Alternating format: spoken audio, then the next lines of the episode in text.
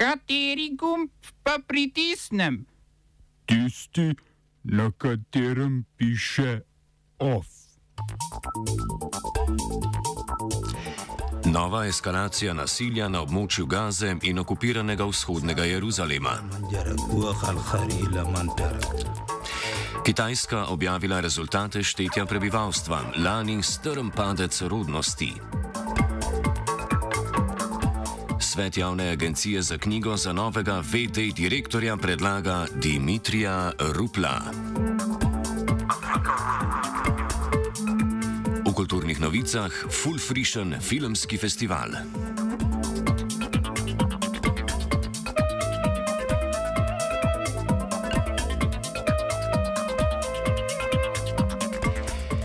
Na območju Izraela in Palestine v zadnjih dneh prihaja do nove eskalacije nasilja. Nemiri so se pričeli na okupiranem območju vzhodnega Jeruzalema in so vodili v spopad med palestinci in izraelskimi varnostnimi silami. Povod za palestinske proteste je prisilno izseljevanje družin iz sosedsk v vzhodnem Jeruzalemu.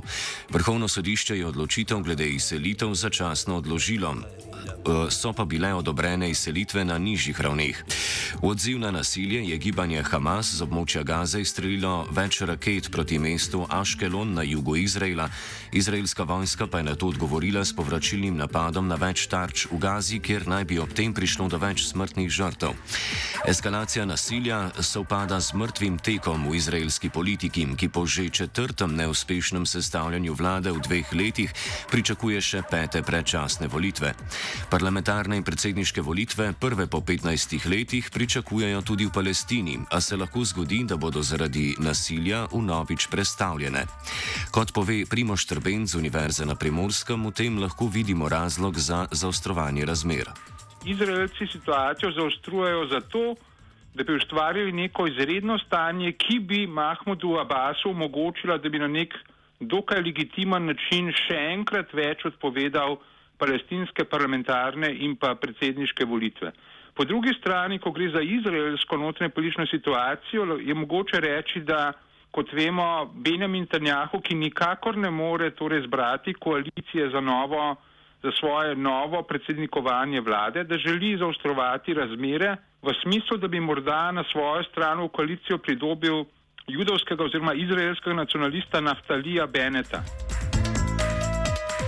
Več v današnjem offsajdu ob 17. uri.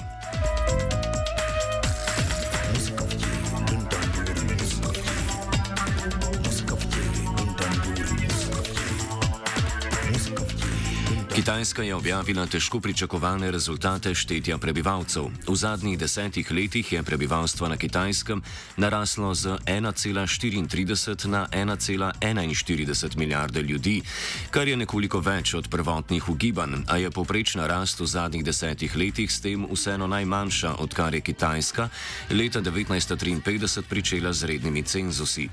Starajoča se demografska slika predstavlja velik izziv za prihodnost kitajske politike. Najbolj vidno so se na to problematiko odzvali leta 2015, ko je bila dokončno preklicana tako imenovana politika enega otroka, nasledila pa jo je politika dveh otrok. Kljub temu je stopnja rodnosti od takrat strmo padla. V letu 2020 je bilo denimo zabeleženih 12 milijonov rojstev, kar je 18 odstotni padec od leta 2019 in najmanj od leta 1961.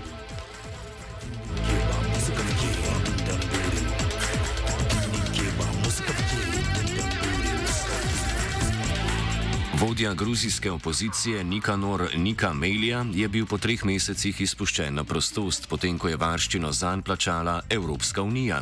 Melija je bil obtožen leta 2019 zaradi vloge pri organizaciji protivladnih protestov in spodbujanju nasilja.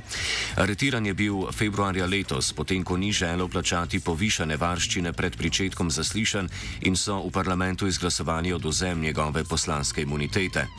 Eskalacija napetosti na gruzijski politični sceni je sicer vidna vsaj od parlamentarnih volitev oktobra lani, ki jih je poražena Meljeva stranka Združeno narodno gibanje razglasila za prevaro. Zaradi krize je letos po aretaciji Melje odstopil predsednik države Đorđi Gaharija, ki se kot eden redkih politikov iz strank vladne koalicije ni strinjal z aretacijo Melje. Evropska unija je poleg plačila varščine poskušala tudi z medijacijo med sprtima stranema. Opozicijski poslanci naj bi se v zameno za nekatere reforme vrnili v poslanske klopi. Thank you.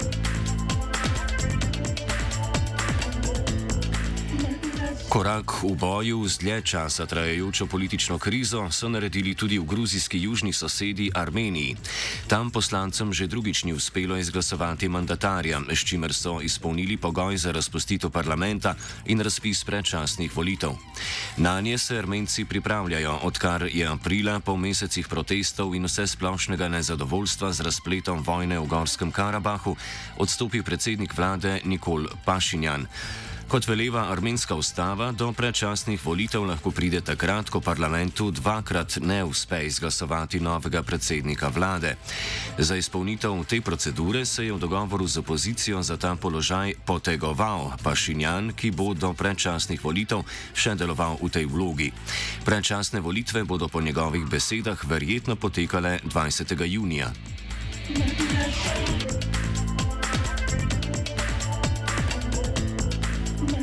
Evropska unija je zaradi nepravočasnih dobav cepiva vložila že drugo tožbo proti podjetju AstraZeneca. Kot je povedal tiskovni predstavnik unije Štefan de Kirmsmaker, Evropska unija želi, da sodišče podjetju naloži, da dostavi dodatnih 90 milijonov odmerkov cepiva.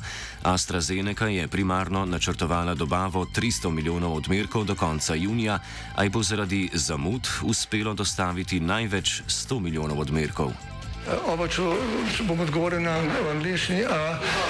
Slovenija bo poskušala pomagati. Slovenija bo naredila naš utmost, da bo rekla, da je situacija naš problem, naš sebe.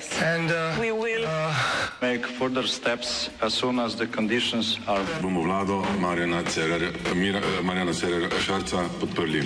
Very, very serious. News from Slovenija. We know how and we will.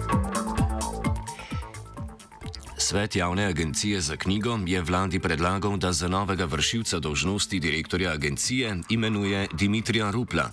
Rupel naj bi kot VD direktorja agencije nadomestil Sebastiana Eržena, ki funkcijo opravlja od razrešitve bivše direktorice Renate Zamida novembra lani. V tem času je agencija objavila javni razpis za delo direktorja agencije, a se do roka 8. marca ni prijavil nihče. Erženu funkcija preneha s 1. junijem, potem ko naj bi se vršenje dožnosti prestavilo na Ministrstvo za kulturo. Svet agencije je zato soglasno sklenil, da za novega kandidata v tem času predlaga Rupla, ki je pripravljenost za kandidaturo tudi že potrdil. Nov javni razpis za direktorja agencije naj bi bil objavljen 14. maja. London, Poslanci koalicijskih strank SDS, NSI in SMC so v parlamentarni postopek uložili predlog novele zakona o organizaciji in financiranju vzgoje in izobraževanja.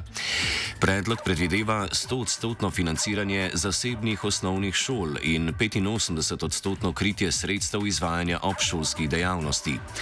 Gre za novega v vrsti predlogov za ureditev financiranja osnovnošolskih programov, potem ko je že decembra leta 2014 ustavljeno ustavno sodišče odločilo, da je različno financiranje javnih in zasebnih osnovnošolskih programov neustavno. Zasebnim osnovnim šolam država trenutno zagotavlja 85-odstotno kritje sredstev za obvezne programe. Na zadnje je pred dvema letoma neuspeli predlog podal takratni ministr za šolstvo Jrnej Pikalo. Največja razlika s sedanjim predlogom je financiranje razširjenega programa zasebnih šol, ki je bilo po takratnem predlogu izključeno iz državnega financiranja financiranja. Novo vložena novela sedanje koalicije pa za te programe, kot rečeno, predlaga 85-odstotno kritje.